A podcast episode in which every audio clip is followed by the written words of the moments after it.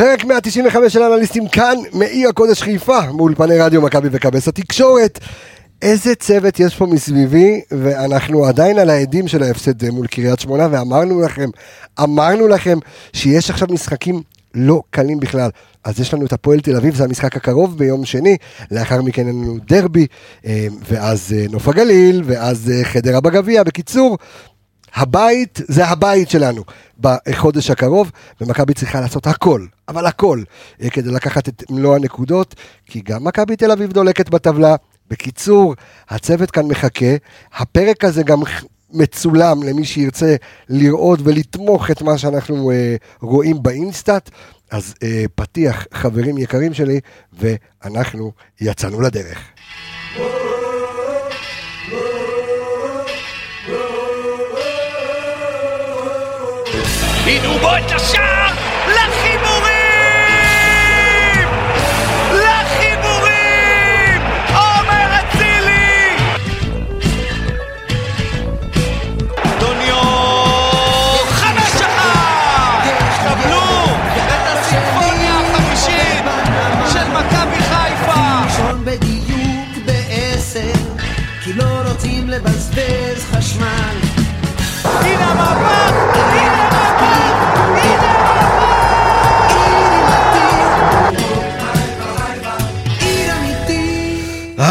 הנה הנה אנחנו יוצאים לנו לדרך, אבל, אבל, אבל, לא לפני, חברים.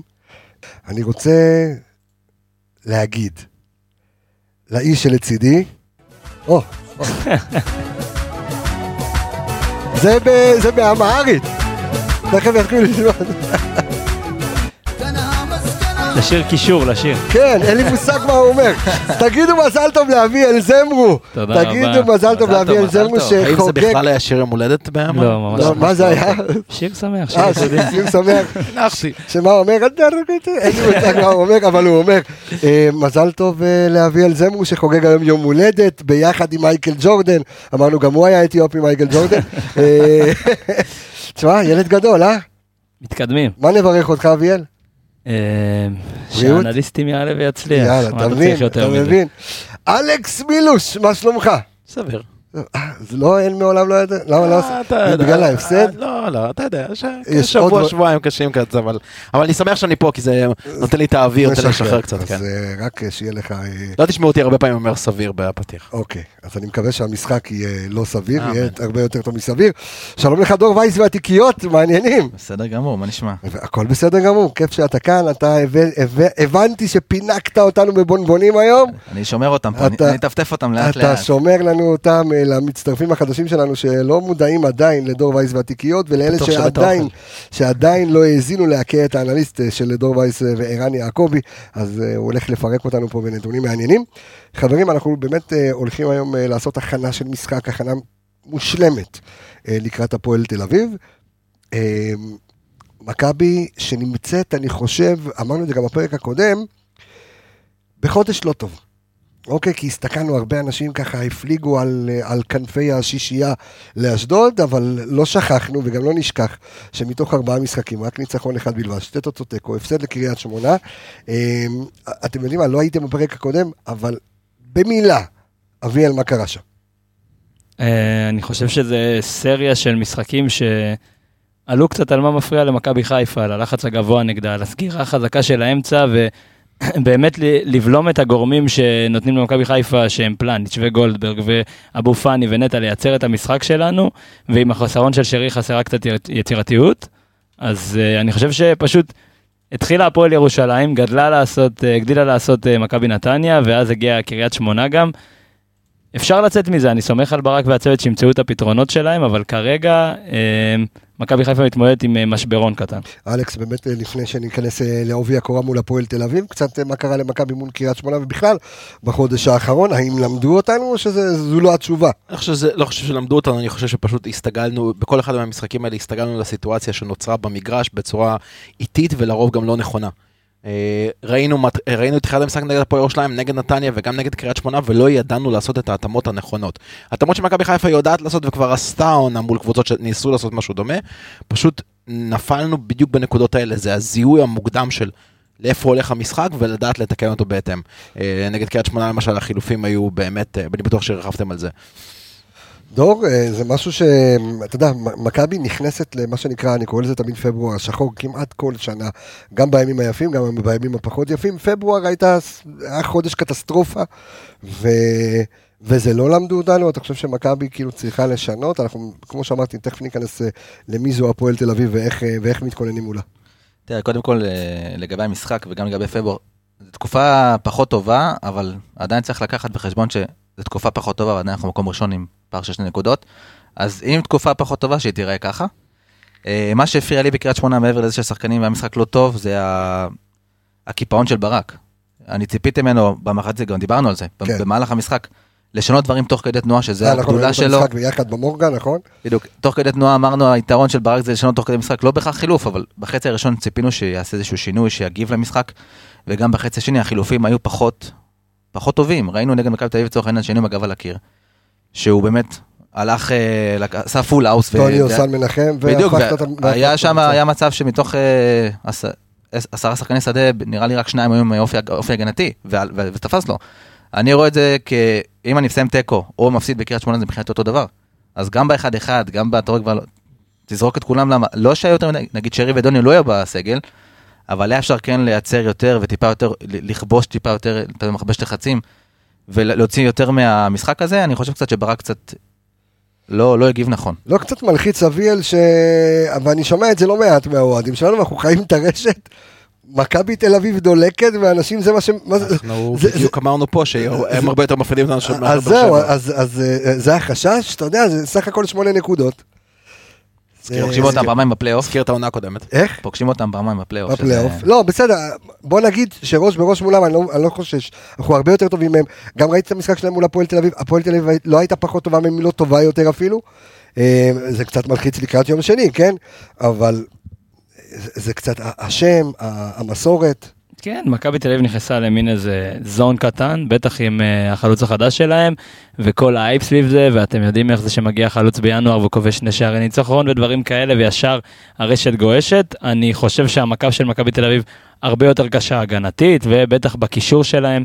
Uh, קרסטייץ' עשה דברים מעניינים במחזורים האחרונים, וראינו אותו טיפה מתגמש ועושה דברים שלא ראינו אותו עושה קודם, מכבי תל אביב בבנייה במהלך השנה, כשאני חושב שאנחנו עשינו את הבנייה הזאת מוקדם יותר, אז אני לא יודע אם היא בשלה באמת לאיים עלינו כרגע, אבל תמיד צריך להסתכל הצידה, זה לא שאתה... לפקוח עין, תמיד. כן, אלכס? מה שצריך להגיד לגבי הנושא של מה שדור ציין לגבי הקיפאון של ברק, אני דווקא חושב שלצערי הרב, מה ש... לפעמים יש ניסיון, וזה משהו שגם לפעמים מאפיין ברק. אנחנו מכירים את, ה, את התרבות הזאת של uh, אתה בפיגור, אתה מכניס עוד חלוץ, אתה רוצה לדחוף קדימה, אבל לפעמים אנחנו יודעים את זה שדווקא חילוף מאחורה, או חילוף של השיטה, או קשר אחורי, או דברים כאלה, יכולים לשנות את המשחק. ומה שאני ראיתי נגד קריית שמונה, זה באמת סוג של, uh, אני קורא לזה כחילופי סטויקוביץ' כאלה. נזרוק ארבע, נזרוק את כולם, נזרוק את שיבוטה, נזרוק את בן סער, נזרוק את כולם, לא, יהיה בסדר, מישהו כבר יעשה את זה, וזה לפעמים זה לא עובד, כי... זה לא, זה, זה לא מה שהוא עשה, אבל... אתה ראית במשחק התאמות מאוד מאוד ברורות שהיו צריכים לעשות לאור איך שהם שיחקו, הם פשוט לא נעשו, החילופים אה, נזרקו כאילו בקטע של לא חכם בעיניי. אני לא, אני, עוד פעם, הוא לא זרק חלוצים, גם לא היה חלוצים לזרוק. אה, צ'יבוטה למשחק הזה היה מיותר לחלוטין. אם כבר הייתי מכניס את צ'יבוטה, הייתי מכניס אותו חלוץ שני ולא משחק אה, על קו שמאל. אם כבר זה לשנות מערך. אוקיי, אני רק אספר למאזינים שלנו, שאנחנו, הפודקאסט הזה, הפעם הוא גם מצולם, אנחנו אמרתי שאנחנו עושים כאן ניסוי וטהייה לאורך כל הדרך, כי יכול להיות שאנחנו גם נייצר פרק בנפרד פרק הכנה, אה, קיבלנו אישור ממנהלת הליגה אה, לעשות, אה, להשתמש בווידאו. קיבלנו את האישור להשתמש בזכויות יוצרים, יש המון חוקים מה מותר להראות, מה אסור להראות, אבל כן במשחקי הכנה אנחנו יכולים להראות מה שאנחנו אה, רק רוצים, כולל גולים, העיקר, ואנחנו משתמשים בזה לצורכי סטטיסטיקה, אז כן קיבלנו את האישור ממנהלת הליגה, ולכן הפרק הזה אה, הוא מצולם, ומי שירצה לראות את האינסטאט אביאל מחובר לאינסטאט, ואנחנו רואים על המסך שמאחוריי, למי שירצה ככה להציץ ולשמוע את הפרק עוד פעם, ולראות אותו גם בווידאו, אנחנו נעלה אותו גם אה, אה, אה, ביוטיוב. אה, אז יוכל לראות ככה בנגיעות איך אנחנו אה, משתמשים באינסטאט אה, ומה זה עושה. אנחנו, כמו שאמרתי, אנחנו נשקול לעשות פרק בנפרד אה, במהלך השבוע, רק פרקי הכנה עם נושאים מסוימים. אנחנו שוב עושים כאן ניסוי וטעייה כדי לשפר ולהעלות את, את הרמה של כל מה שקשור לעולם האנליזה, ואני מכין לכם בחודשים הקרובים הפתעה שעוד לא הייתה במדינת ישראל. אתם מכירים את הראש הפסיכופת שלי, אוטוטו, אוטוטו, קרוב. אלכס מילוש, ספר לי בבקשה, מי זו הפועל תל אביב? אה, קודם כל הפועל תל אביב זה קצת, בכל זאת שתי קבוצות שונות מתחילת העונה. ממה שפגשנו. קודם כל כן, אנחנו פגשנו את הקבוצה של קלינגר שהיא באמת קבוצה שפשוט לא רצתה לשחק כדורגל. הוא פתח נגדנו בבית עם שלושה בלמים, אה, באמת בחוסר רצון, רק לא להפסיד, רק לא להפסיד, וכשאתה סופג גול ראשון אתה קצת כבר מתחיל כאילו לאבד את הצפון. ואז הגיע קובי רפואה והפך את הקבוצה הזאת, אבל בעיקר הפך את הקבוצה הזאת ליותר מגוונת, הוא מאוד מאוד מנסה לעשות דברים. Uh, אתה כמעט רואה, אתה מסתכל על המערכים, אתה מסתכל על הרכבים, אתה כמעט ולא רואה uh, אותו הרכב שעולה uh, יותר. הוא גם יותר משתמש במחלקת נוער הצעירה שלו, שיש למחלקת הפועל תל אביב, מחלקת נוער צעירה מאוד מאוד איכותית. Uh, הוא באמת הכניס לקבוצה הזאת קצת יותר uh, כדורגל. אמ, יהיה ממש ממש מעניין לראות איך הם הולכים לפתוח נגדנו, אה, כי אם אני לוקח שנייה רגע איזשהו, איזושהי מברשת ומסתכל על ארבעה, חמישה משחקים אחרונים, שהם אגב באים נגדנו ברצף של שלושה הפסדים. אוקיי.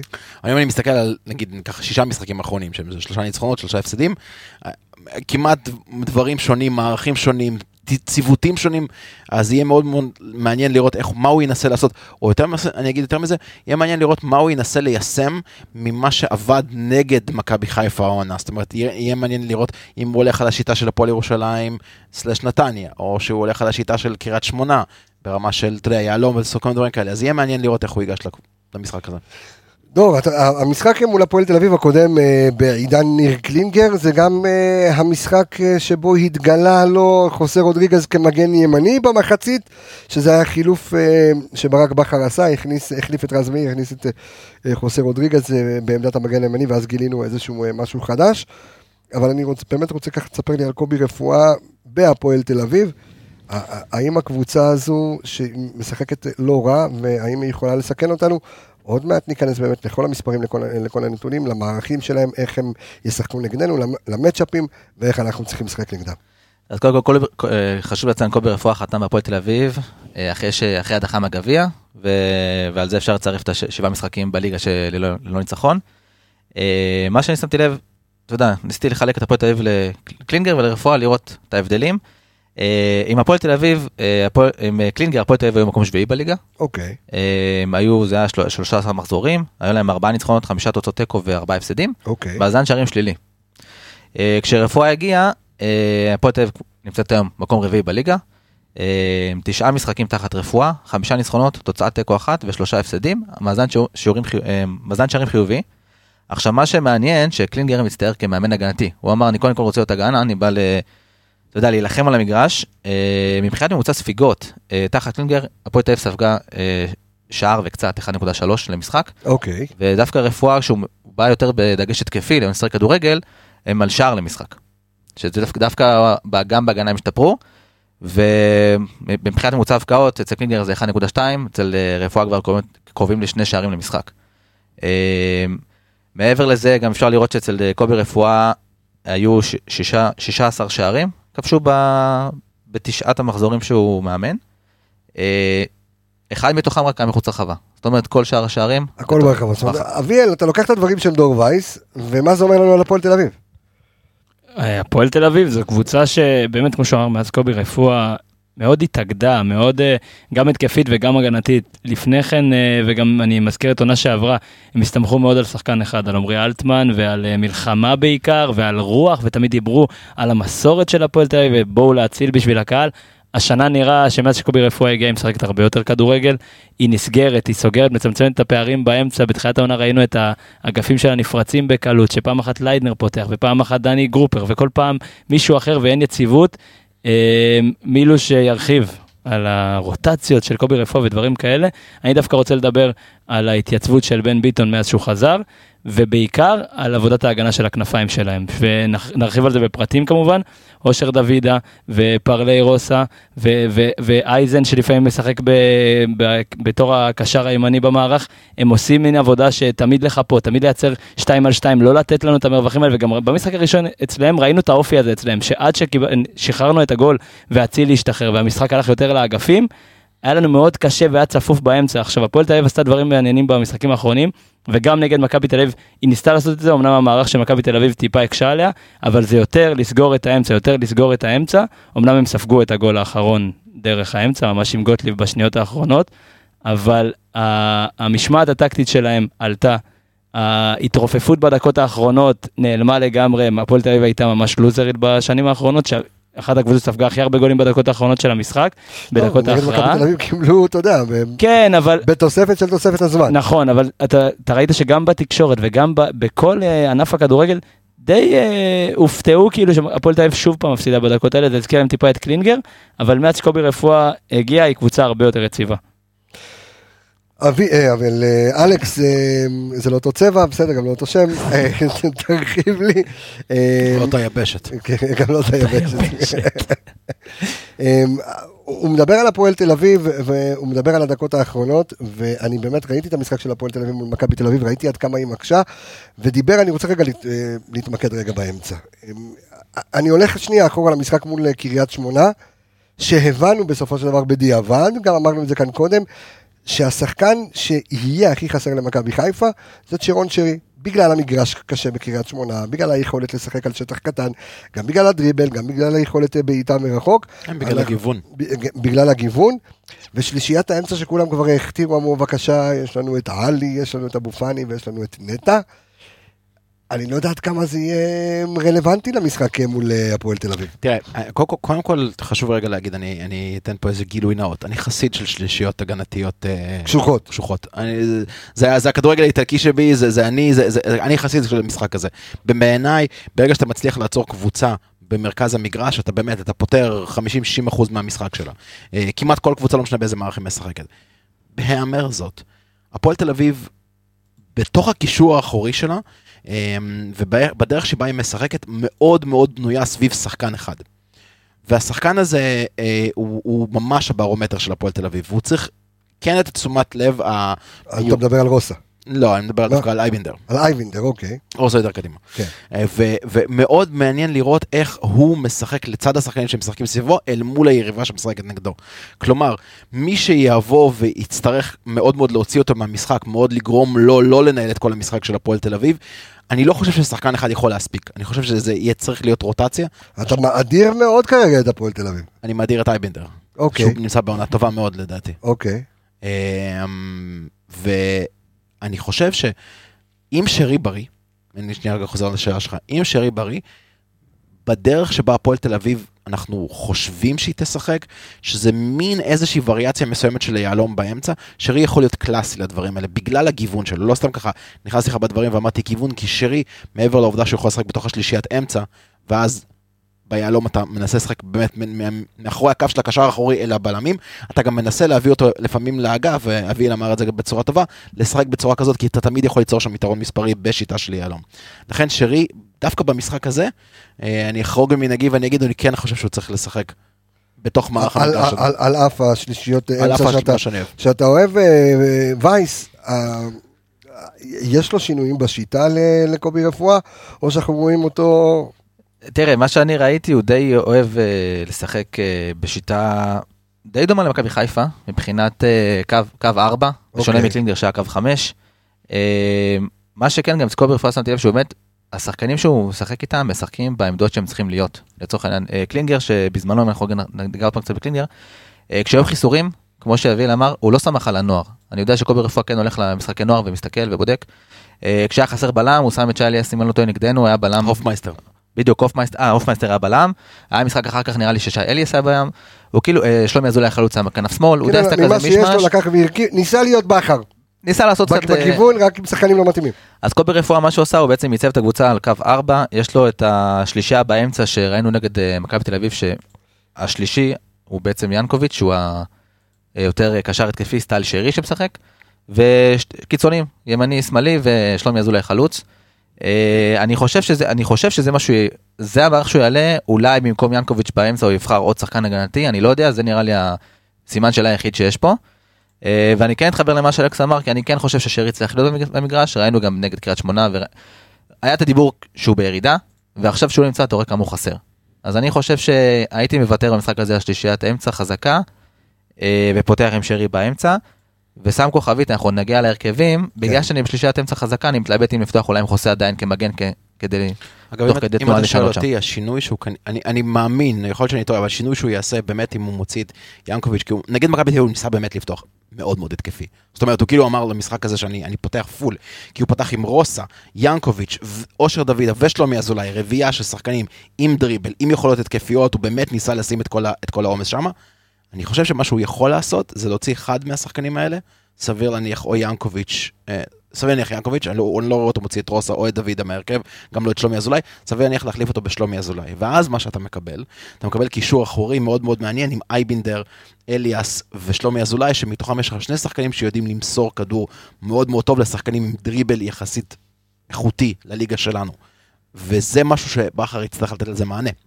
כי אם אתה משחק עם שני שחקנים מאחורה, שחוץ מעבודת הבלימה, שלומי אזולאי לא ממש בולם, כן, אבל, אבל חוץ מהעבודה הזאת, שהם יודעים למסור כדור, ויכולים להפתיע שחקנים, בלמים ומגינים שלנו בגב שלהם, זה יכול להיות עניין. ועוד נקודה לגבי, מה שאמרת לגבי רודריגז, חשוב לזכור שאם רודריגז פותח בצד שמאל, אז הוא מקבל את אושר דוידה, מימין. שזה מצ'אפ מאוד מאוד מעניין. אני סומך על רודריגז שיכול לעצור את, אה, את אה, אושר דוידה יותר מאשר סאן יכול לעצור אותו. אבל אז אנחנו נגיע לזה בחלק השני של, ה, של ההכנה, כאילו איפה נכון לרודריגז להיות, אם זה להיות שש או עדיין להישאר מגן, האם בימין, האם בשמאל, אנחנו תכף אה, ניגע ביתרונות ובחסרונות של כל אחד, אבל אביאל, אני רוצה שתיקח אותנו בבקשה אה, גם למצ'אפים וגם בעצם לנקודות החוזקה של הפועל תל אביב, ואיפה אפשר לראות את זה ואיך אפשר לראות את זה, אה, וגם בטח גם זה יהיה על המסך אה, כדי ש... קודם כל נתחיל עם. אה, ארנס צ'טקוס. נתחיל בבקשה. אחד הנקודות אור אולי הבודדות בהפועל תל אביב, גם בתקופת קלינגר וגם אה, אה, אצל רפואה מצטרפים עוד שחקנים כמובן שנראים יותר טוב. אה, שטקוס זה שוער ליטאי, לא שנה ראשונה שלו כאן בארץ, זה שוער שמכיר את הליגה. רציתי דווקא לדבר על העניין של ההתמקמות שלו ברגע שיש בעיטה מרחוק. שטקוס הוא אחד השוערים היציבים בליגה, שאתה יודע מה הם ייתנו לך, אבל מדי פעם יש לו את הפלטות שלו. ואני אכניס לפלטה הזאת את הגול של עומר אצילי מולו בסיבוב הקודם. מחוץ לרחבה, שטקוס כמעט ולא מקבל שערים מחוץ לרחבה. השנה אה, אני אלך ככה, על בעיטות ממרחק גדול, נבעטו לעברו 36 בעיטות, הוא הציל 26, 72 אחוזי הצלחה, 72. אוקיי. אה, כשאתה הולך על בעיטות ממרחק גדול יותר, שלפי האינסטאט, לפי מה שאתה מסתכל, מה הם מודדים, אה, בעיטה ממרחק גדול, long range או mid range, זה 18 מטר ומעלה, כל- כלומר, אחרי הקשת כבר, אחרי הקשת של ה-16, ו-21 בעיטות אה, ממרחק גדול נבעטו לעברו, והוא הציל 17 מתוכם, שזה 81 אחוז הצלחה.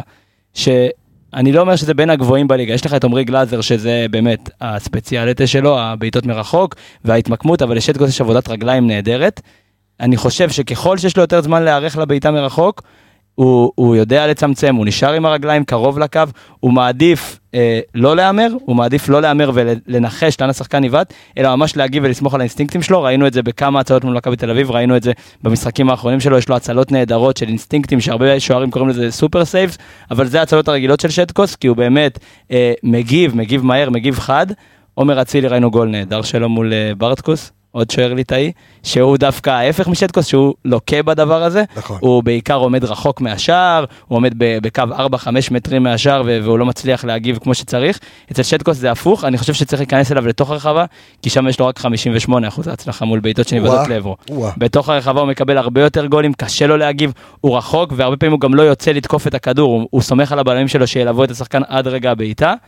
אמ, אם כבר, אז זה משחק לדין דוד, זה משחק לחזיזה, זה משחק לאצילי, שייכנסו דווקא לתוך הרחבה, ובטח ובטח מקו שני. אני רגע שהכדור עמוק, רוצה גם לציין שהוא ספג כמה שערים אה, מרחוק? ארבעה. ארבעה. מכבי חיפה כבשה כמעט, קצת יותר משישית מהשערים שלה מחוץ לרחבה.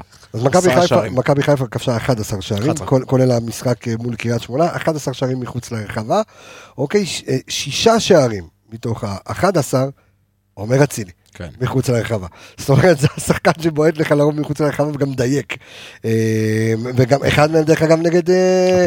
נגד הפועל תל אביב, נגד שטקוס אביב. עצמו בסיבוב הראשון. מקום ראשון בליגה ב... ב... נראה לי בשנים האחרונות בשערים מחוץ לרחבה. מי עומר אצילי? כן, יש לו איזה כן. 20 שערים, כולל, הוא היה גם בגרנדה תקופה, וגם בקפריסין, שמקום שני, אם אני זוכר נכון, זה קלאודימיר בביתר. שתבין כאילו את הפער, וגם יש לו אולי חד ספרתי לקלאודימיר. זאת אומרת, לא משנה איזה שוער יש, אצילי יודע איפה המזוזה, הוא יודע איפה לבעוט. בדיוק, ואני חושב שמה שעומר אצילי יכול לתת עוד במשחק הזה, מחכים ל double double שלו מבחינת הבישולים. כן. אני חושב שברגע שהוא יעשה את ההטייה, ראינו את גוטליב וקולו, אה, אולי אפשר לנצל את, ה, את המשחק הלא טוב הזה של גוטליב מול מכבי תל אביב, ואת החוסר ביטחון והניסיון של קולו או טורי או טראורי או טורי, אני לא בדיוק אה, זוכר מי, מי מהם ישחק.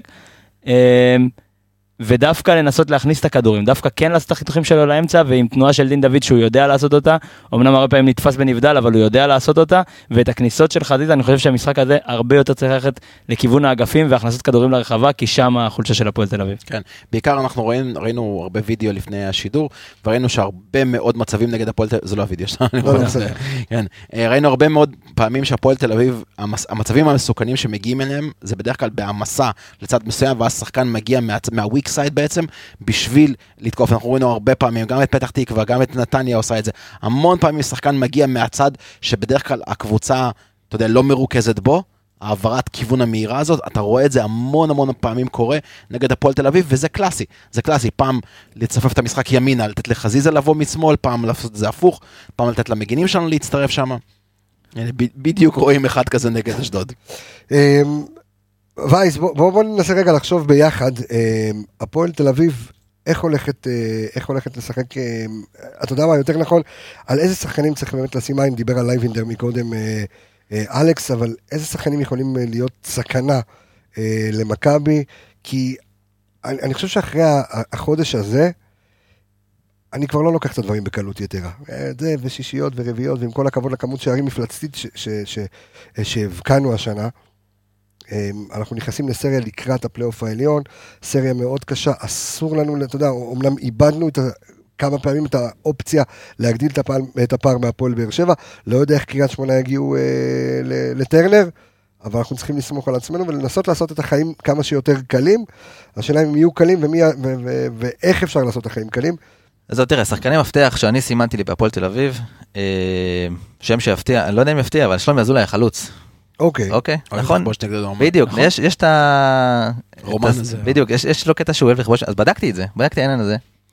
אה, קודם כל יש לו- העונה בליגה ארבעה שערים וארבעה בישולים, ב-191 191 דקות. זאת אומרת, יש לו שער, הוא מעורב בשער כל 136 דקות. אה, עכשיו, מכבי חיפה היא באמת הקבוצה שהוא כובש מולה הכי הרבה, במהלך הקריירה, אוקיי. שזה עשר פעמים. אה, מול ביתר הייתה לו, בביתר הייתה לו כן, בעיטה אז, חופשית. אז. לקחתי את כל השערים שלו בליגת העל, יש לו 81 שערים בליגת העל, אם הורדתי את מה שהוא כבש למכבי, אה, יש לו, נשארו לו 67 שערים, זאת אומרת, 15 שערים שהוא כבש בליגה, היו, היו לשער של מכבי חיפה. וואו. אז אה, וואו. איך זה איך זה עומד מול שחקנים אחרים, נגיד בולטים שאנחנו ידועים כאוהבים לכבוש נגדנו? אז זהו, אני זוכר אותו כי גם כשבדקנו בעונה קודמת, הוא היה נראה לי בסכנין, דיברנו על זה, ואמרתי אני חייב לבדוק את זה עכשיו. ביתר, בוא, וביתר. אה, כן, זהו, אז אה, אני הייתי שם עליו דגש גם כי מבחינת דקות למשחק, שערים, כאילו, הוא בפורמה טובה. אה, מעבר, מעבר את הקיצוניים שזה רוסה ודוד, השם בעצם המוציאים לפועל של, של הפועל תל אביב מבחינת דריבלים, מבחינת המסירות מפתח. אה, המצב, רוסה לצורך העניין עם אה, בעיטות מרחוק ואיומים לשער הוא מאוד מסוכן. מעבר לזה, כמו שאלכס אמר, אייבינדר בעונה מעולה עם ארבעה שערים וחמישה בישולים. מחלץ המון, מקום שני בתיקולים בקבוצה, חילוצים בחצי יריבה, גם גבוה מאוד, בת, גבוה בסטטיסטיקה. ושחקן אחרון שאני שם לב אליו, כבר דיברנו, זה בן ביטון, אה, חזר מפציעה אה, בדרבי עם שער ובישול, שזה מפתיע מאוד. אה, הוא מקום ראשון בקבוצה במסירות מפתח, בן ביטון. וואלה. כן. אבל מה, שס, מה שכדאי לשים מעבר לכל הדברים הטובים, הדברים פחות טובים שהוא מאבד כדורים, המון כדורים בחצי הגנתי, וזה יחסית למגן, הוא מאבד 24% מהעיבודים שלו הם בחצי הגנתי. אז אלו החמישה שאני סימנתי ששווה לשים עליהם דגש, שהם בעצם המוציאים לפועל העיקריים. אה, אושר דוידה לצורך העניין, שמונה שערים העונה, שזה מלך השערים אני רק של רוצה. לציין משהו לגבי הנושא הזה, שהפועל תל אביב, אני, אני רק אספר שתוך כדי אביאל פה שם את, ה, כן, את ו- הדברים מה InStat. וזה, וזה מדהים כי, כי כל כל כך הרבה שערים אנחנו רואים שבאים מה weak side זה פשוט כאילו כל כך בעיה מהותית במשחק של הפועל תל אביב. לגבי הנושא של הדריבלים שציינת את רוסה אז יש בסך הכל אה, שמונה שחקנים בליגה שלנו שהם הם, הם מעל 100 דריבלים העונה ומעל 50% מוצלחים. מעל וואו. 50 ו- ו- ורוסה נמצא בשניהם הוא שביעי בדריבלים מ-100 דריבלים ו-57 דריבלים מוצלחים. אה, זאת אומרת מקדימים אותו, חזיזה מקדים אותו עם אה, 106 אה, דריבלים אבל אה, כמות יותר נמוכה של מוצלחים. אה, אצילי לא נמצא בקטגוריה הזאת של כמות הדריבלים, אה, כמובן מעל הכל קני סייפים. 133 ו-80. אה, מצ'אפים. תן לי ככה אה, כמה מצ'אפים אה, מעניינים אה, שמחכים לנו, רגע לפני שאנחנו נעבור אה, ונבין איך מכבי הולכת לשחק מול הפועל תל אביב. קודם כל, קודם כל, באמת זה תלוי במערך שהם יפתחו. הוא דיבר על שלומי אזולאי, ושלומי אזולאי עשה, בעצם שלומי אזולאי בא כחלוץ שני שלישי השנה, ולוסיו היה אמור להיות החלוץ המוביל של הפועל תל אביב, וכל מה ששלומי אזולאי עשה זה לעשות את התפקיד של לוסיו בצורה טובה יותר. הוא סיפק מספרים, הוא סיפק שקט, הוא סיפק מרחב לאושר דוידה, והוא היה מועסק גם לעידן ורד שמשחק פחות, אבל דן אייבינדר יש לו, יש לו אה, עניין של אה, שחקן מטרה שאפשר לשחק עליו, ואושר דוידה נהנה איתו. הוא פשוט, אה, אני אתן השוואה שאלכס מאוד יבין, לאוטרו ולוקאקו, אוקיי. סוחב עליו, רק שלוקאקו גם מבקיע בכמויות אחרות, כן. אבל אושר דוידה עושה מספרים כפולים בגלל שלומי אזולאי. שלומי אזולאי סוחב אליו את מרכז ההגנה, ואני חושב שזה מצ'אפ מעניין, אה, שלומי אזולאי, אלא אם כן הם ישחקו ב-4-3-3, או שהם שני חלוצים, שלומי אזולאי אל מול פלניץ'. שלומי אזולאי ידוע במשחק הגב שלו, בתחת שהוא לוקח את הבלם איתו, בדיוק, הוא. אוהב לצאת החוצה, למשוך את ההגנה, ופלניץ' ידוע כאחד שגם אוהב לצאת. החוצה, ושם מי שיפתח ליד פלניץ' אם זה שון, אני חושב שהוא הציוות הנכון למשחק הזה, בגלל המהירות של אושר דוידה ובגלל ההצטרפויות של אה, רוסה ודן אייבינדר, זה יהיה מעניין לראות את זה, ועוד מצ'אפ מעניין, אה, דיברנו על זה, קדחנו על זה לפני הפרק, על מי יפתח בעמדת המגן השמאלי. אל אוקיי. מול אה, אושר דוידה, כי אושר דוידה, גם כשהוא משחק חלוץ וגם כשהוא משחק בכנף, הוא אוהב לברוח אל הקו ולעשות משם את הפעולות שלו, הוא אוהב לבוא לשם כדי לקבל את הכדור עם הפנים לשער, אז על פי מה שאני מריח זה רודריגז. על- אף, ואז אתה אומר מה יהיה מבחינת המהירות על הקו. ובאיזה יותר טוב, אבל מבחינת המצ'אפ עם הדריבל של, של אה, דוידה, אני עדיף להגיד לך עוד דרך אגב, אנחנו ראינו נגד באר שבע, זהו, בדיוק באתי להגיד. שאספריה שיחק בכנף ימין, רודריגז ניטרל אותו, ברגע שהוא יצא הוא עשה שם לסן אה, שמח. וברקוביץ', ברקוביץ' נכון. מנתניה, עשה גם לסן אה, נכון? שמח. זה... רודריגז אמנם, אתה יודע, רודריגז הוא לא השחקן המהיר ביותר, אבל הוא כל כך חכם שהוא יודע לשים את הגוף שלו בצורה נכונה, ברמה שגם אם יש לך יתרון מהירות עליו, אפילו יתרון מהירות משמעותי, אתה עדיין לא תעבור. אז פריה הוא אולי אחד השחקנים הכי מהירים בליגה, אני חושב שאנחנו מסכימים כן, על זה. כן, לגמרי. והוא נותן לעצמו פורם הכדור, ורודריגז נעמד בצורה נכונה, והכדור אצלו ביד. אז, ברגע. אז זהו, זו שאלה, כי אתה, בדיוק אתה מעביר אותי עכשיו רגע למכבי, ואני אומר, אוקיי, בוא נתחיל לדבר רגע עלינו. ויש לנו שלוש אופציות אה, הגנתיות, כאילו בעמדת המגן השמאלי כרגע, שזה סן מנחם, רודריגז ורז מאיר. כן. אוקיי, עכשיו, הכל צעק לשמיים מול קריית שמונה, רז, יפה- תח, ת, תחזור כאילו לאיפה יפה שאמרת את האופציות. בסדר היורד שלהם. זאת אומרת, אמרת- אמרת, סן מנחם, רז מאיר, רודריגז, זה בדיוק הפוך. אז לא, נכון, אבל כשאם אני באמת מסתכל על המצ'אפ, ואני אומר, שוב, אני מאוד מאוד אוהב את סן מנחם, אני מאוד אוהב את רז מאיר ומאוד אוהב את רודריגז. אנחנו כאנליסטים בפודקאסט הזה ננסה לעשות את המצ'אפים ולהבין, ההתאמה בדיוק. ההתאמה, בדיוק, התאמת משחק, זאת אומרת, מה נכון, עכשיו, בוא נגיד, אם סתם אני זורק להביא רז מאיר, רז מאיר זה שחקן שאני מאוד רגוע איתו כשמגיע מולו מישהו פיזי, אוקיי? גם, כולל אספריה, או כולל כל שחקן, או כולל השחקן של פיינורד, הוא מאוד אחראי הגנתי, לא, אי אפשר לעבור אותו בקלות. עכשיו, על פי מה שאתה אומר, אביאל, דוידה שיודע, שבורח לקו, אה, סליחה, מהקו, אה, בורח קצת אה, פנימה למרכז, אני יודע שרודריגז, גם כשהוא תוקף או גם כשהוא מגן, הוא לא נמצא על הקו, אלא הוא נמצא בדיוק באזורים האלה שדוידה יתקוף משם. זאת אומרת, נתת לי את התשובה. אני, אני, לדעתי, אני חושב ש... נכון, רז לא היה נראה וואו נגד קריית שמונה בצד שמאל, כמו וזה... כולם אבל. בוא, רודריגז זה כן. נראה וואו. אה, בדיוק, אה, אז זה מה שאני בצד אומר. השני. אז אני מסתכל על אושר דוידה ואני מנסה לחפש similar players, שחקנים שדומים לו באמת במאפיינים בליגה, ישר קופץ לי מבחינת המצ'אפים ששיחקו מולנו, אני מסתכל על קובאס, אני מסתכל על שחקנים בסגנון הזה, אושר דוידה הראה המון המון המון גיוון השנה בדריבל שלו, אם זה לימין, אם זה לשמאל, נכון שהוא חותך לשמאל הרבה פעמים בועט, אבל המון המון פעמים גם בגול המפורסם שלו מול פתח תקווה, זה עוד הטיה לימין ועוד הטיה לשמאל ועוד הטיה לימין ועוד הטיה לשמאל, אני חושב שהיחיד שיכול להתמודד איתו מבחינת זריזות, מבחינת עמידה, מבחינת אה, סגירה בשתי רגליים, שזה לסאן יש את שמאל אבל חסר לו את ימין ולרודריגז את ימין וחסר לו את שמאל, זה דווקא רז, אוקיי. דווקא רז, גם במהירות וגם בחוסר שקט, שלדוידה נצמד מישהו, ראינו אותו פחות פעיל מול מכבי תל אביב, שנצמד אליו מישהו, כמו דוד זאדה ושחקן שלא עוזב אותו ולא מרפה ממנו, אני חושב שהעבודה הגנתית, רז מאיר יכול לעשות עליו עבודה מעולה. כן. התקפית, אה, אם הוא ישחק כחלוץ שני, אז לרז מאיר יהיה הרבה יותר קל התקפית.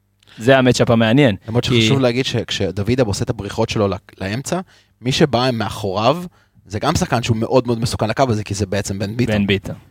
כל הקו הימני של הפועל תל אביב, אני- באמת, אני חושב אז אתה לא תהיה שקט עם מישהו חכם יותר, כמו אה, לא, אני, רודריגז? אני, לא, אני רק אומר שרודריגז, מה, מה יקרה בדרך כלל? אם רודריגז באמת ילווה מצד, כי, כי אם רודריגז פותח כמגן שמאל, והוא מלווה את אושר דוד הפנימה לתוך הבריחות האלה, ולא משאיר אותו להגנה, כי זה תמיד יכול ליצור את החוסר תיאום, מי שנכנס לוואקום הזה, מי שנכנס לקו הזה זה בן ביטון. שהוא גם הוא בעונה מצוינת העונה, וגם הוא יכול מאוד מאוד לאיים, וראינו אותו מבשל העונה לא מעט. רז מאיר מצד שני לא יברח עם אה, אושר דוד על האמצע. רז מאיר ב- לרוב שומר על העמדה שלו. ואז אתה מגיע למצב שבו עם התיאום טוב בין מי שיפתח בבלמים לצד רז מאיר, שכן רואה את הכניסה של אושר דוד על האמצע והוא יכול להישאר, הוא אומר לו אוקיי, מה- מהקו הזה אתה עכשיו לוקח אותו, אני נשאר פה, ואז כל הכניסה של בן ביטון תיבלם על ידי רז מאיר. אז אני מסכים עם אבי, אני חושב שבאמת במשחק הזה, הבחירה הטובה פה היא רז, אוקיי. על אחת כמה וכמה, שאם אתה טיפה מסתכל קדימה ואם אתה פותח עם חזיזה, שמה, הוא לא, הוא לא ייתן לו כדורים לעקיפות. זה יהיה כדור לרגל, ואז לתת לחזיזה לעשות משהו משם. כן, אבל השאלה שלי, ואני ככה מתעכב על זה טיפה, ואז נעבור לשאר חלקי המגרש, אה, דור, זה שראיתי את חזיזה, ריחמתי עליו. צער בעלי... תקשיב, ראיתי אותו לבד, ב... אה, אה, ואז רודריגז היה איתו בשמאל, ראיתי אותו לבד, ובאמת אולי מה שאלכס אומר, שהפתרון הוא כן רז מאיר. עם העקיפות, או, או אם לתת כדור לרז, כי, כי מי שמשחק על עיוור הכי טוב עם, אה, עם אה, חזיזה זה סן מנחם. נכון. עכשיו, אם אנחנו לוקחים רגע את הסכנה, אה, את הסכנה מצד אושר דוידה ומהאזור הזה של האגף, אז אולי באמת, כמו שאלכס אומר, רז, וגם, אני חושב שאביאל גם כן אמר את זה, רז מאיר יהיה הכי טוב גם כדי להפעיל את חזיזה, כי חזיזה לא עשה שום דבר במחצית הראשונה לפחות מול קריית שמונה, וגם לא באשמתו.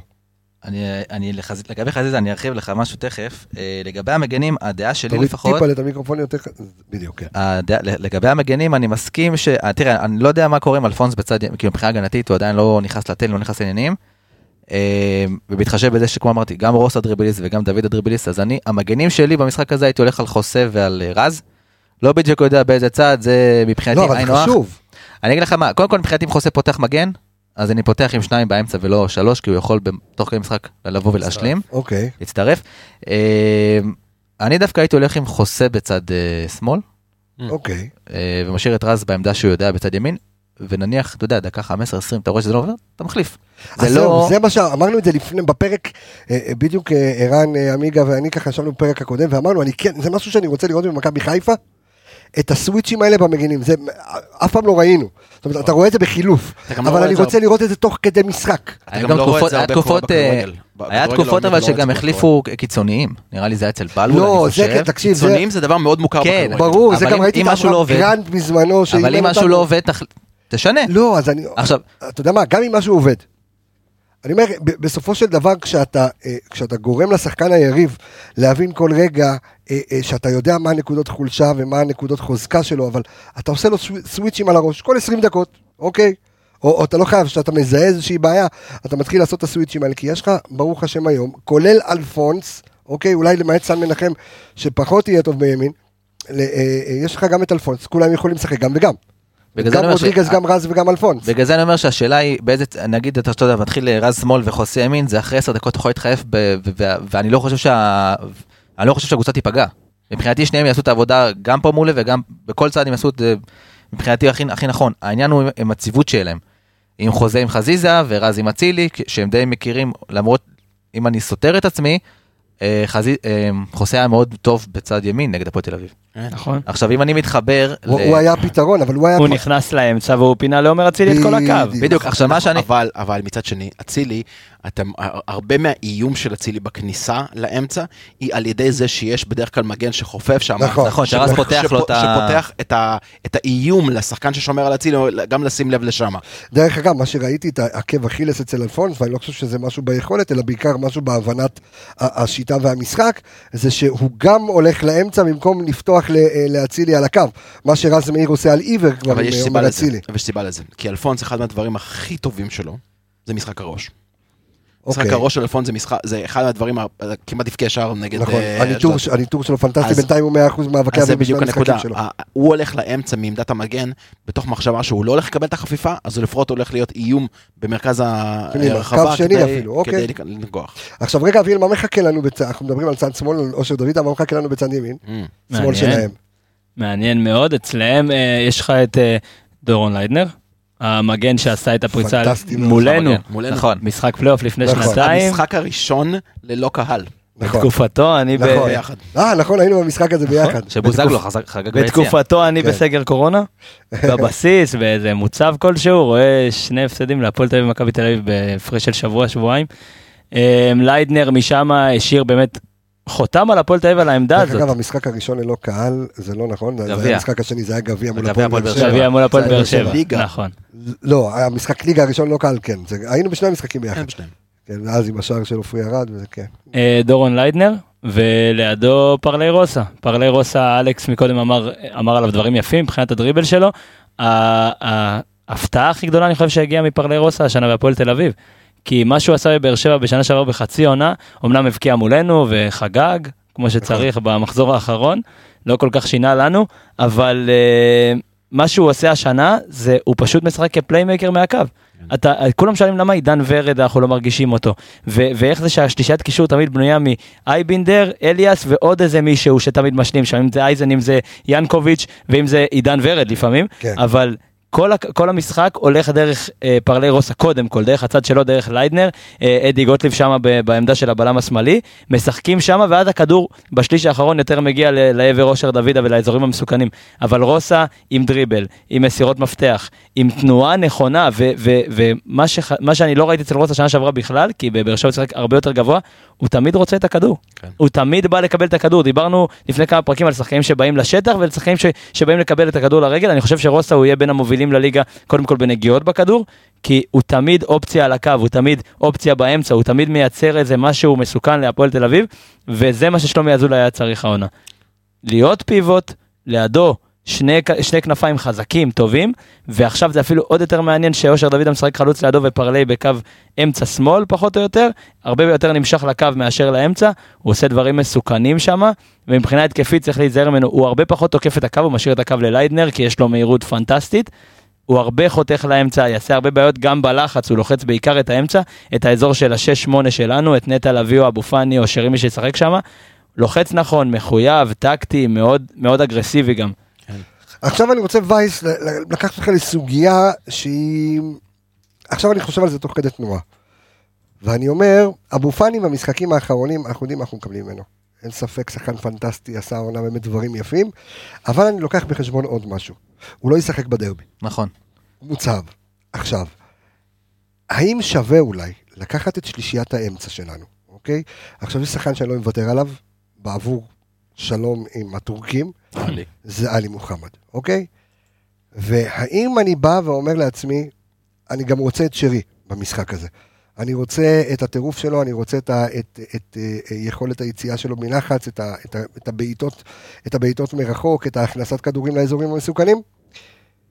והאם אני יכול, המשחק הזה בשלישיית האמצע, ותכף אנחנו נפתח את זה כולנו וכל אחד ייתן את ההרכב? שלו, בדיוק, על אה, עלי מוחמד, נטע לביא כשמונה ושרי. האם זו שלישייה שאתה אומר לעצמך, יכול להיות, או שאתה אומר בוא... קודם כל זה יכול להיות, אבל אני, אם אני, אני, דעה שלי, אני בדיוק חשבתי על זה גם, אה, יש הרי את השאלה, יש לך את עלי מוחמד, את אבו פאני ואת נטע לביא, את מי אתה מוציא? כדי לייחס את שרי. נכון? עכשיו, אני, אם אני לא, לא מסתכל, דיברנו על ג'אבר אפילו, אבל אוקיי. כן, אני מסתכל על שלושתם, אה, אבו פאני נותן משהו שונה מנטע לביא ו- ו- ומוחמד, הוא יותר התקפי. אז למרות שהוא לא ישחק בדרבי, אני משאיר אותו. כי אני חושב שתכף אני גם אגע בזה, הפועל תל אביב, ברגע שמקבלת שער, המצב טוב. ותכף אני שנייה אסתכל על הנתון, אבל אה, אז אם אני, אז קודם כל אז אבו פאני אני, אני שם אותו בהרכב. ואם אני מסתכל על עלי מוחמד ונטע לביא, אז אני, נטע לביא, אה, משחק אחרון לקריית שמונה היה פחות טוב. אה, גם. ספג איזה מכה שאני לא יודע בדיוק כמה, מה, מה רמת הכשירות שלו. בסדר, אבל הוא היה, הוא היה סוג של יובל אשכנזי כזה, ציפית ממנו יותר, ואתה יודע, הפעילו עליו לחץ, הכדור לא היה אצלו, ולא היה לך את שרי, אז בסדר, אבל... אז אני, לשאל, אני חושב, אה, לשאלתך, התשובה שלי, אני הייתי כרגע מוותר על נטע לביא במשחק הזה, נגד הפועל תל אביב. אה, פותח עם אה, מוחמד ועם שני המוחמדים באמצע, שרי מעליהם. זאת השלישייה ו- שלנו. בקיצור. בדיוק, אה, אתה יודע, חזרה למקורות, מה ש... יש עוד נקודה עכשיו- בפאני, מה שהוא עושה. שנייה, רגע, הפועל תל אביב, אמרתי, הפועל תל אביב בליגה, אה, מה שהסתכלתי, יש 22 מחזורים, 22 מחזורים, אה, ב-12 המשחקים היא קיבלה, היא נקלעה לפיגור. אוקיי? המאזן אוקיי. שלה במשחקים האלה עומד על שישה הפסדים, חמישה טוטו תיקו וניצחון בודד. זאת זאת אומרת, אומרת, שים להם שער ראשון, תודה ואפשר רבה. להיות רגועים יחסית. שזה מצחיק, במשחק הקודם הם עלו נגדנו ראשונים ליתרון. כן. נכון. אבל מה שרציתי להגיד לך לגבי אבו פאני, עוד אחד מהדברים הטובים, אבו פאני, אנחנו ראינו במשחק נגד אשדוד, שאבו פאני מצטרף המון שמאלה, ומי ששיחק אז, אה, אני חושב שזה הנטע, שהצטרף ימינה, אני לא זוכר אם זה משחק, מתי? לא, זה- לא לא משחק נגד אשדוד, אנחנו ראינו, אמ, ברח לי- ברח לי משחק, ברח לי משחק מהראש, אני חושב שאולי במשחק הגביע ראינו את זה, ש... נגד חדרה? נגד חדרה לפי דעתי, נכון? שבאמת, מאור לוי בערך ימינה. מאור לוי היה בורח ימינה ואבו פאני היה בורח שמאלה, תודה רבה. אז אחד מהדברים שאנחנו מדברים עליהם, שזה ניכר שהפועל תל אביב יש להם איום די אה, מבוסס משני הצדדים, זאת אומרת השיו, השילוב של אושר דוידה, בן ביטון, השילוב של רוסה וליידנר, אלה דברים שאתה צריך לשים אליהם לב. כשיש לך שחקן כמו אבו פאני שיכול באמת להימשך לאחד מהצדדים, הוא גם יכול לבוא ולעזור. ברגע שאתה מצליח לבלום את זה בזמן, ואתה מצליח לבלום את זה באזור קו החצי, אתה גם יכול לצאת הרבה יותר מהר, מהר משם. מה שנטע לצורך המקרה לא יברח לצדדים. נטע יותר אוהב את האמצע, בדרך כלל נשאר לאמצע, הוא לא נמשך לצדדים. אז uh, אני לגמרי מסכים שאם מישהו מהשלישייה הזאת להוציא במשחק הזה זה נטע. אני רוצה לשמוע את דעתך המלומדת, אדון. תושייה, כן. אה, תשמע, אני הולך אה, לכיוון אה, אלכס, יותר עם עלי ואבו פאני. קודם כל, בגלל מה שאבו פאני עשה ו- ועוד עושה מבחינה הגנתית ב- באגף שמאל, מבחינת הקישור, אה, אני יכול להגיד לך על הפועל תל אביב, שהיא מקום שלישי בליגה ביחד עם מכבי חיפה בהתקפות עם בעיטות לשער מאגף ימין. אמרנו דוידה, אמרנו בן ביטון, אמרנו דברים מסוכנים, היא מקום שני, אבל מה- מן העבר השני, היא באמת, היא מקום שמיני בליגה, אה, 45 התקפות עם בעיטות לשער ל- מאגף שמאל, היא יותר בונה שמה, אז אני חושב שכן, שרי, דיברנו על זה וצריך לחזור להרכב, צריך לשחק שמה כי זה הצד, באמת, הוא יכול ללחוץ שם גבוה, אבל הוא לא חייב באמת להימשך אחורה יותר מדי, והוא יכול לנצל את האגף הזה שפחות תוקף. אבל אבו פאני שמה ואלי מוחמד, כי, זה, כי דיברנו על משחקים עם שטחים, ברגע שיש לך משחק שייפתח, ל, שייפתח לאגפים וילך לשטחים ארוכים וריצות של אושר דוידה ורוסה ושלומי אזולאי שחקן מטרה ואנחנו נתקוף והם יתקפו ואנחנו נתקוף ואני אומר לכם שזה יהיה משחק באמת הרבה יותר שקול ממה שהרבה אנשים חושבים. יהיה משחק דינמי, יהיה משחק מאוד קצבי ואלי מוחמד בקצבים האלה, שם הוא פורח, ראינו אותו בהמון המון משחקים כאלה, שכשהיריבה נשכבת אחורה, לדוגמה מול מכבי תל אביב, הוא לא היה מועיל. בהרבה משחקים הוא פשוט לא היה מועיל כשהיריבה נשכבת אחורה, אבל דוגמת ה-4-0 נגד קריית שמונה שניסו לשחק נגדנו מעברים, והמון משחקים כאלה ואחרים שקבוצות לחצו אותנו גבוה, עלי מוחמד הוא יותר הפתרון התזיזתי הזה שבא לייצר יתרון ובא לחטוף ובא, וכושר באמת אולי הכי טוב בליגה. הכי טוב בליגה מבחינת סיבולת ומבחינת מאבקים, כי סיבולת זה לא רק שחקנים שרצים, זה לא רק לרוץ אחרי השחקן, זה להיכנס לעוד מאבק ועוד מאבק ולרדת לרגל ועוד דריבל ועוד מאבק ועוד טאקל. עלי מוחמד אני חושב שיותר מתאים למשחק הזה, בטח מול אייבינדר ומול אליאס שמרביצים ומרביצים ומרביצים. עלי מוחמד, שרי, אבו פאני, שלי. זה, זה שלך. אוקיי, אמ, אלכס, בוא, בוא, בוא נפרוס את זה בבקשה רגע, ל... אני גם תכף כל רוצה, ההרכב. כן, אני תכף גם רוצה גם לדבר על אסי מהספסל, ועל דברים שיוכלו... אני רוצה להגיד עוד משהו אחד כן. לגבי מפתח בעיניי. אה, אני מסתכל שנייה רגע על הנושא של עבירות, ומכבי חיפה רצו לשני שישיות השנה עם אדומים. אחד השחקנים, השחקן שמוביל את הליגה בעבירות, שי אליאס, עם 55 עבירות. אוקיי, אמרנו אוקיי. מרביץ. מרביץ, כן, מרביץ. הוא גם נמצא ב top חמש של אה, שחקנים עם צהובים, עם תשעה. אוקיי. ככה שאם... גם אבו פאני, אני חושב, לא? אבו פאני עושה אבו פאני מנחם. לא, לא, לא. יאב גנאים עם 13, שחוביץ' עם 10, אור בלוריאן 10, עידן ורד 9, ושי אליאס עם 9 גם. אולי זה בתקופה של קלינגר, שהם הרביצו. יכול להיות. כן, יכול להיות, כולם היו מרביצים. אבו פאני... לא שעכשיו הם עושים פרחים ליום אהבה, כן, אבל עדיין. לא, אבו פאני, אני יורד, כבר למטה ואני לא, לא רואה אבו אוקיי. פאני.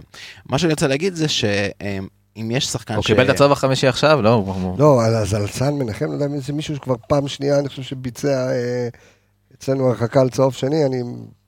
אוקיי, אני, אני אומר, אם יש שחקן שיודע או יודע לשגע שחקנים ויודע להוציא מהם את העבירות המעצבנות האלה, שצהוב מוקדם כזה, ואז כל השחקן יזהר, זה אבו פאני. זה, זה השחקן לעשות את הדברים האלה. וזה יכול להיות מפתח, כי אנחנו ראינו, קבוצות שנגדנו סופגות צהוב מוקדם לעמדה מאוד מאוד בעייתית, שאסור לך לספוג צהוב שני, שאני כבר לא מדבר על אדום, אה, זה, זה כבר הופך להיות משחק אחר לחלוטין, בטח בבית. אז בוא, אז בוא תפרוס לי בבקשה את, ה, את ההרכב שלך, בוא נת, נתכתב רגע סבבה, להרכב. ג'וש, ג'וש, פלניץ', אה, שון, או, אה, תזכירו לי להתעכב על זה גם. אוקיי. אוקיי. ג'וש פלניץ' שון, רודריגז בימין, רז בשמאל, עלי, פאני, שרי. אצילי חזיזה דין? כן. אוקיי. יש פה- יש תמימות דעים. תמימות דעים כן. רק לגבי העניין של, אני לא סגור על אלפונס או על רודריגז, אני לא יודע אם הוא יכול לשחק עכשיו 90 דקות, אם הוא באמת מכיר את הקבוצה מספיק בשביל לשחק איתה ולרוץ 90 דקות, אני כן חושב שהוא יכול לפתוח. אה, בטח ובטח בגלל האיום של המהירות של זה. ליידנר. אני אענה לך, זה חילוף שאני הייתי עושה לצורך המקרה תוך כדי המשחק, אז הייתי מחזיר את רודריגז לשמאל, כן, אמרתם, ואת רז מאיר לימין. לא, ואז אה, מחליף- ואז מחליף אותו באלפונס. זה כבר יותר מעניין לעשות את זה בזמן המשחק, כאילו, גם לעשות את הדברים האלה. אני, אני אלך עם אלפונס, אני אלך עם אלפונס בגלל המהירות של ליידנר ובגלל הפגיעות שם, שמכבי חיפה יכולה ללחוץ גבוה מאוד את האגף הזה, ולייצר מהדריבלים של רוסה אולי מתאמים דווקא לטובתנו. אני אתן לך עוד נסיבה למה ללכת על אלפונס. אתה ציינת מקודם ששטקוס זה שוער של בעיטות רחוקות, שוער שיש לו עמידה נכונה, אבל זה שוער שהיציאה שלו היא היא לא... מאוחרת תמיד. היא מאוחרת תמיד. ושחקן בעל משחק ראש טוב, בטח שיכול לברוח לך לפינות, לקורה הקרובה או לקורה הקצרה, יכול להיות שם נשק מאוד טוב נגד הדברים האלה. נכון, וראינו את אלפונס בדקות המעטות שלו, כן יודע לעשות את הכניסה לאמצע, כן יודע לפתוח את הכדור בחזרה לקו לאצילי, עשה את זה יפה כמה פעמים גם מול קריית שמונה לא וגם מול אה. אשדוד. הוא גם מאוד מגוון נכון, הוא- שלו. אבל אתה יודע, אה, המון שחקנים אומרים שכאילו צריך להיפתח להם העניין של הגיוון עם הקבוצה, ולדעת לעשות את הדברים הטכניים, ולפעמים אנחנו אומרים, אין בעיה, מה הקשר, אתה, ה- הציוות שלך לקבוצה, ההתאמה. קרוס קרוס, תן קרוס, פס זה פס, תן פס, אבל הרבה פעמים זה באמת, הקרוס אולי הוא טוב אבל הוא לא למיקום הנכון, או שהוא נחסם, או שיש לו עוד אופציות לתת הקרוס בזמנים נכונים יותר. אני חושב שהגיע הזמן לתת לו לפתוח לפחות, להרגיש את האווירה של סמי מלא בפתיחה, זה יכול להכניס לך אמוציות אחרות. קרוס זה גם דבר, קרוס זה גם דבר כל כך מגוון, אתה ראית אותו נגד אשדוד, הוא קיבל כמה, אני חושב שהוא קיבל ארבעה כדורים בצד ימין, והם לא היו רעים. הם לא היו נכון. רואים, שתיים היו למרכז הרחבה, אחד היה לקצר, ואחד היה שטוח פנימה לרחבה. עכשיו, אנשים חושבים שמדי פעם קרוס שטוח מהמגן פנימה, הוא... הוא לא קרוס. הוא לא קרוס, הוא באיכות הוא יותר נמוכה. האימא של הקרוס. אז ראית אתמול לצורך המקרה במשחק של ליברפול נגד אינטר, את הקרוס של פריסיץ' לא, אה, לאותה עמדה לחכן שנתן את המשקוף. אתה יודע אם יש לו קורסים טובים בליגה? אבו עביד. כן. אבו עביד יש לו קורסים מפחידים ככה, נמוכים. נמוכים. אני דווקא לא הייתי פותח עם אלפונס, אני חושב שזה מוקדם מדי. אבל נטו אתה- בגלל הציוות של ה- אתה תמים דעים אבל עם כן, כן. עם הזה של אני- אלכס? אני הולך עם ההרכב של אלכס, אמרתי שוב, אני לא לא מפריע לי מי יפתח בימין, מי יפתח בשמאל מבחינת המגנים, מבחינתי היינו הך, אבל זה ההרכב שצריך לא, אני לחזור ש... אליו. אני חושב שדווקא בפודקאסט כמו שלנו נורא חשוב לנעוץ איפה יושב המגן השמאלי, איפה יושב המגן הימני, זה, זה, זה קריטי. תראה, אני אני חושב, תנעץ, דור. אז אני הולך אני על חוסה בשמאל ורז בימין. ורז בימין. אוקיי, כן. בסדר גמור, כל אחד- כל אחד אה, איך שהוא לוקח את זה. שווה לדבר רגע על ה... יש לנו צד ימין שלנו, שאנחנו רגועים ושקטים לגביו, עם עומר אצילי. אה, נתון שראיתי על צד שמאל שלנו שלא כך אה, נעים, לא, לא מלבב, לא נעים. אוקיי. כמה מסירות מפתח יש לסן מנחם העונה כמגן שמאלי? חידון, חידון עכשיו. או-אה, זרקו, מספרים. פחות מחמש. אני גם חשב, באתי אפס. להגיד ארבע. אפס. אוקיי, כמה מסירות מפתח? תשמע, אפס אה, רגע, לפני כמה. פרקים. רגע, שדיברנו על סן. כמה מסירות מפתח יש לחוסה כמגן שמאלי? גם פחות מחמש. שתיים? אפס. אוקיי? עכשיו בוא נעלה מדרגה לחזיזה. אוקיי. מתי פעם אחרונה דולב חזיזה? אני יודע כמה הוא ניסה חכה פחות. את האנליסט אה, בחסות. יפה, אה, הנה, אני אתן לך פה אוקיי. איזה... אוקיי. מתי פעם. אחרונה דולב חזיזה מסר מסירת מפתח מוצלחת, או ניסה לבעוט לשער? מאגף שמאל. באגף שמאל. שמאל, כקיצוני שמאלי. מתי הפעם האחרונה? איזה מחזור אנחנו עכשיו? 20 ו... שש? ש- לא, שלושה. סליחה, אני... נכון? 23. אנחנו עכשיו... יהיה 23. יהיה מחזור 23, כן. יפה, זרקו אין, מזה. אשדוד, אני חושב לפני חדרה, בליגה, לפני ארבעה מחזורים. מחזור 17 נגד מכבי פתח תקווה, הייתה לו מסיר... ניסיון לביתה ומסירת מפתח שהצליחה. אוקיי. תחשב שעברנו את באר שבע, שהוא פתח כן. נגד באר שבע. הפועל ירושלים, מכבי נתניה, אשדוד, הוא היה שם מורחק. קריית שמונה. נכון. וקריית שמונה, אפס מסירות מפתח ואפס בעיטות לשער. זאת אומרת, צד שמאל שלנו מתגלה כצד בעייתי. אני מוכן להמר איתך גם שכמות המסירות של אה, דולב חזיזה למגן, לא משנה מי שיחק איתו בשליש האחרון, פחתה. משמעותית ב- מהשנה הראשונה לשנה השנייה ומהשנה השנייה לשנה כן, אבל השלישית. מה היה- מה היה הגדולה של של דולב, שגם אם הוא העלה אותו בצד, הוא היה נכנס, הרי עומר אצילי וכל המשחק של מכבי הולך ימינה. נכון. הוא היה נכנס לרחבה ובועט את החצי סיבוב שם, זה גם לא קורה, וזה היה קלף מאוד... הרי גם בעונה הקודמת חזיזה היה בתחילת העונה השחקן הכי טוב שלנו, ואז. הייתה ירידה עם הדרבי וכל הבלאגן. חזר לקראת הפלייאוף. אז גם עכשיו אנחנו רואים את הירידה הזאת, וגם אתה רואה פה מבחינת המספרים שהוא יכול להיות שתהיה הוא חזרה. לא אפקטיבי, אז הוא נותן את הדריבל, והוא נכנס לאמצע ונותן את המסירות, אבל רגע, את עכשיו, התכלס, נתת לי שני מגינים שמאליים, אוקיי? שזה סן מנחם, ורודריגז עם. אפס מסירות מפתח מה... וחזיזה, משמאל? שלא עשה את זה מזמן. אז ש- ורז מאיר, מה? אז מאיר יש לו שני בישולים העונה כבר בליגה, אז משמאל. משמאל. אתה מבין? שמאל העלק במסירות- במסירות מפתח. אני רק רוצה לציין שהוא אני- אמר שרז פותח בימין. נכון. אני סותר את עצמי פה, בסדר. קצת. אבל... אה, הלאה, זה נתונים נתון. סותרים את טוב, האנליסטים. וייס מהתיקיות הגיע לפרק, חברים. זה למה הוא פה. אני כן רוצה להגיד לך משהו. אה, גדול. דווקא, בגלל הנתון הזה של חזיזה, אם רודריגז פותח על השמאל, אני הייתי... יקרה לנו קריית שמונה עוד פעם. בדיוק. יפה. אז אני בגלל זה אמרתי שאני, הגנתית הייתי פותח עם חוסה בשביל לעצור את דוידה ואת ביטון. התקפית, מן, ה- גם סן מנחם מן הסתם יותר התקפי, או כמו שאתה אומר רז מאיר, אבל אני עדיין רוצה את חוסה, אני מעדיף אותו בהגנה, כי בהתקפה גם ככה אנחנו יותר הולכים ימינה. נכון. אז אבל אני כן הייתי בא ואומר כאסטרטגיה, וזה יישמע מאוד מאוד הזוי למי שמאזין לנו, אבל אבל תזרמו איתי שנייה. אוקיי. אה, תעלו בעירום למגרש. מה? לא, לא, לא, לא, לא. אני הייתי, לא, אני הייתי מנסה אה, יותר לתקוף כאסטרטגיה, דרך צד שמאל, דרך הצד של חזיזה. משתי סיבות. קודם כל, אתה רוצה את הדברים שחזיזה יודע לעשות. אתה רוצה את המסירות מפתח שלו, אתה רוצה את הדריבל, אתה רוצה את החיתוך לאמצע, אתה רוצה את הבעיטה. אתה רוצה את זה. מצד אחד. מצד שני, אם אתה כאסטרטגיה, הפועל תל אביב יודעים שמכבי חיפה תתקוף דרך ימין. כולם יודעים שמכבי חיפה תרצה להפעיל את אצילי. אתה... אם אתה לא יודע את זה לפני שאתה בא למשחק נגד מכבי- חיפה, אין לך אבל אין רגע, לך מקום שנייה, אני בענף. עוצר אותך רגע, אני מסת- מסתכל רגע על הנתונים של סן מנחם, אני יודע, אני באתר של המנהלת כי- כי מישהו פה על האינסטאט, אבל יש לו שתי מסירות מפתח מדויקות לסן מנחם העונה. אוקיי. זה- אולי הוא על less 10 matches. זה- אחד הדברים המפילים באינסטאט. מה, לסטון מאצ'ס. אה, צריך להסתכל, תסתכל. אני אוקיי? אעלה עוד איזה... אני רוצה לסיים בנקודה הזאת, שאם אתה מגיע נגד מכבי חיפה, אתה מצפה שמכבי חיפה... הוא אפס. בישולים, הוא אפס בישולים, רז מאיר עם שני בישולים, שניהם משמאל, אוקיי? אה, רודריגז, תכף אני אבדוק, אבל תסתכל רגע ב- אה, באינסטאט, ואחד מהם טועה, אז בואו נסתכל מי זה מה. כן, קיצר, אסטרטגית לתקוף משמאל. אסטרטגית לתקוף משמאל, בכ- בכוח. למה?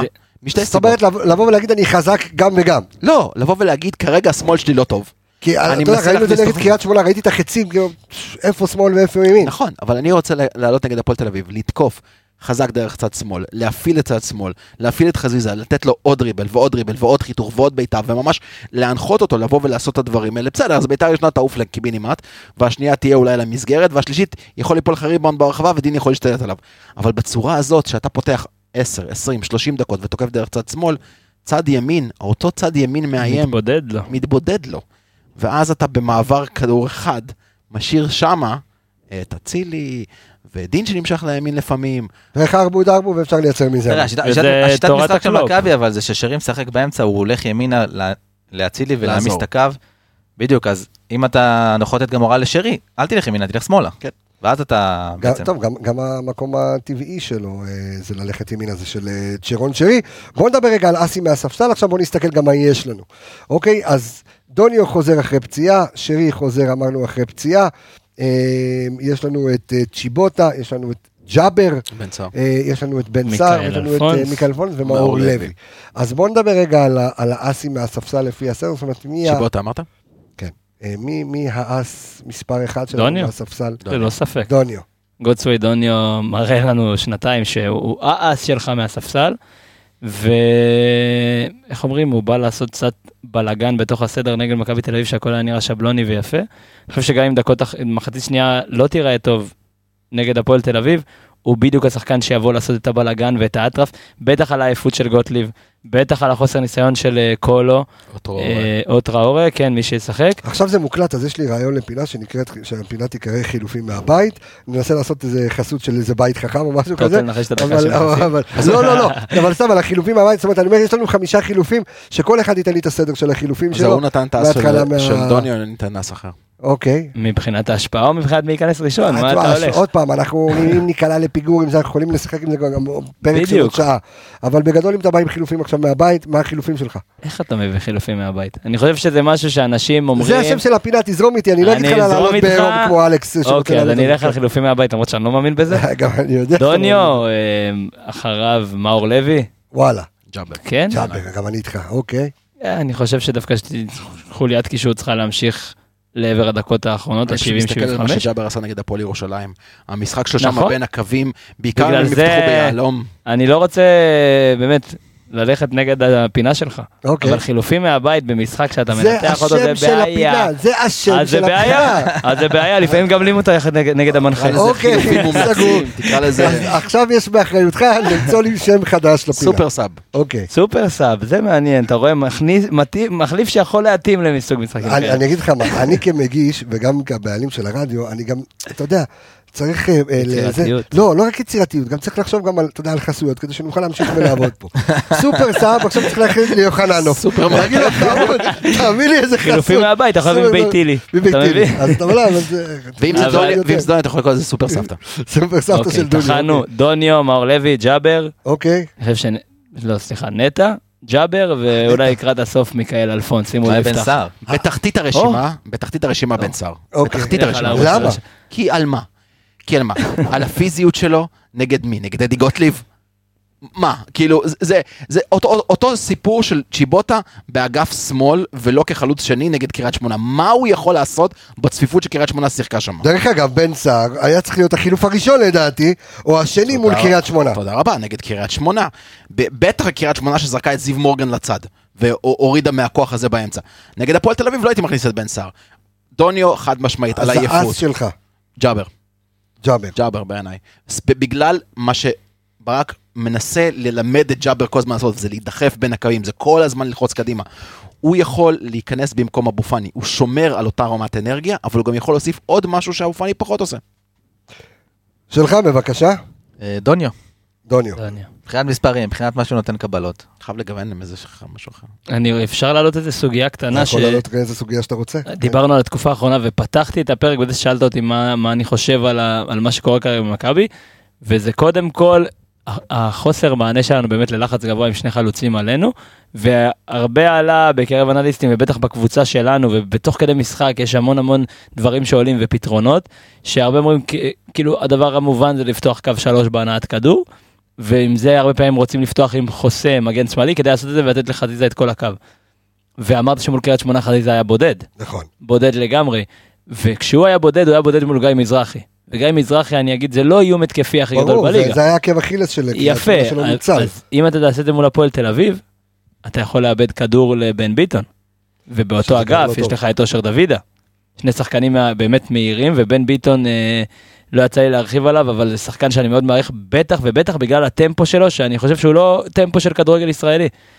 הוא יכול להוציא לך בעיטה בימין ובשמאל, הוא יכול להוציא לך מסירה בימין ובשמאל, והקצב שהוא פשוט חורך את המגרש מצד, מ- מ- באמת לאורך כל הקו, זה משהו אחר, וראינו כמה היה חסר להפועל תל אביב שהוא, שהוא לא שיחק, שהוא היה פצוע.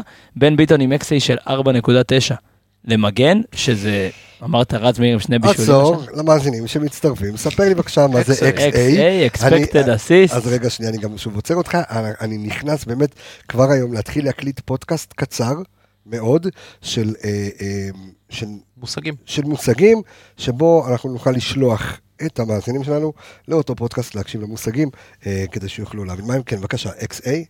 Expected אה, assist, אני חושב שזה כבר פעם שנייה בסדרה שאני... expected assist, אה, בישולים צפויים.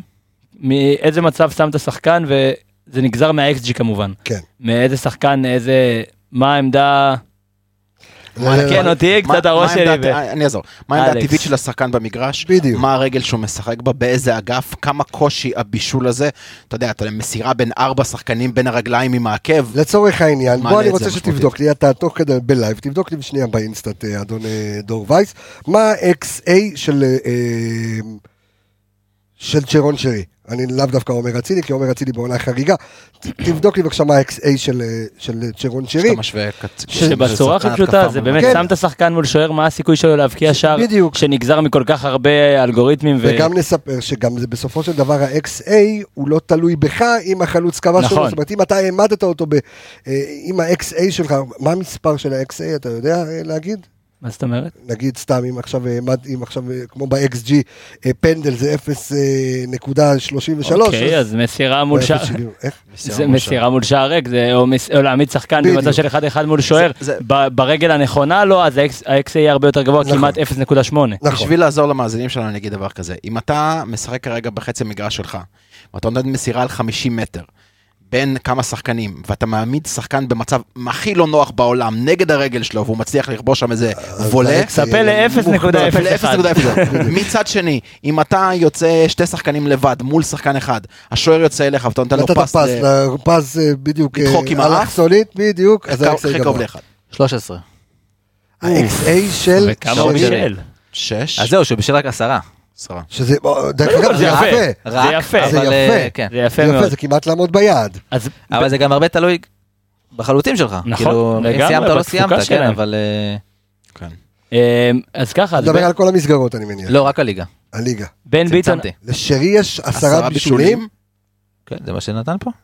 אני נראה לי שאתה... לא, לא, נכון. או שהאינסט שלך לא עובד היום? אצילי. כן. חכה, חכה אצילי, רגע. רגע, אה, רגע, רגע. הוא. פילטר, אבל לא פילטר באמת. שנייה, אה, שנייה. אוקיי. רגע, תן לו אני לפלטר. בינתיים אגיד על זה בן כמו ביטון. אתה נכון, מארבע נכון, שלי. אצילי עם תשע והכי לא, קרוב. חמישה זה לא, לא, לא, בישולים. לא, חמישה בישולים צודקים. נכון, נכון. חמישה בישולים של שרון ו-XA שרי? 13. שמונה. שמונה. שזה הוא לא פילטר, בסדר. זה גם היית גם סוג 13, של- 10, 5, 8, 5, אותו דבר. כן, זה-. זה כמעט אותו אז הדבר. בן ביטון החטיפה שלו באמת היא, דבר קריטי, הוא באמת, הוא מחלץ 110 כדורים העונה בליגה, 4.9 אמרנו XA והוא מבשל כבר שלושה שערים השנה, אושר דוידה הוא החלוץ שקיבל ממנו הכי הרבה בישולים, כבר שתיים.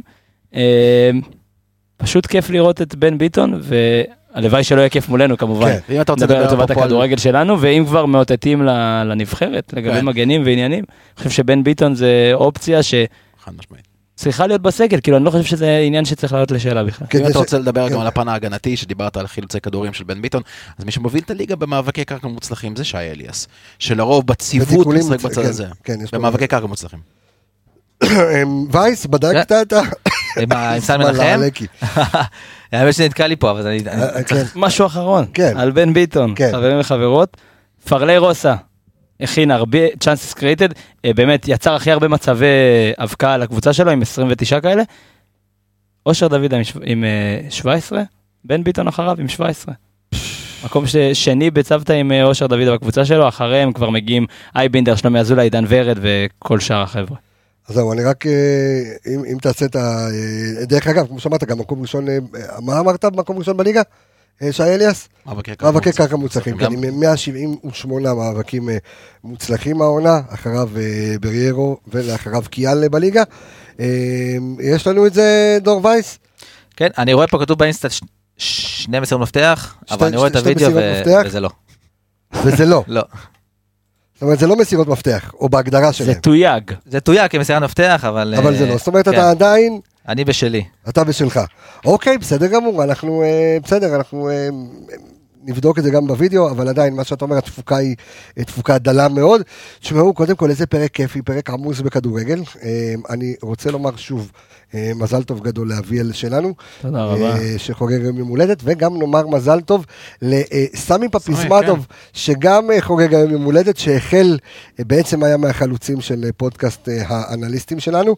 אז אני רוצה, כמו תמיד, לומר תודה רבה לכל אין האנליסטים אין סביב. לנו שלב של הימורים. אה, אה, אה, נכון, סליחה, מה, אתה צודק, בוא'נה, אני ברח לי מרוב כדורגל להמר. אני, כן, אני, אני רואה. שהפרק מתחיל לי- להיגמר ואני כזה, אני חושב להתחיל תתחיל. לחשוב על ההימור שלי. תתחיל. 2-1 יא. מכבי חיפה. 2-1 מכבי חיפה, כן, אביאל? 2-0. 2-0 מכבי? 2-0.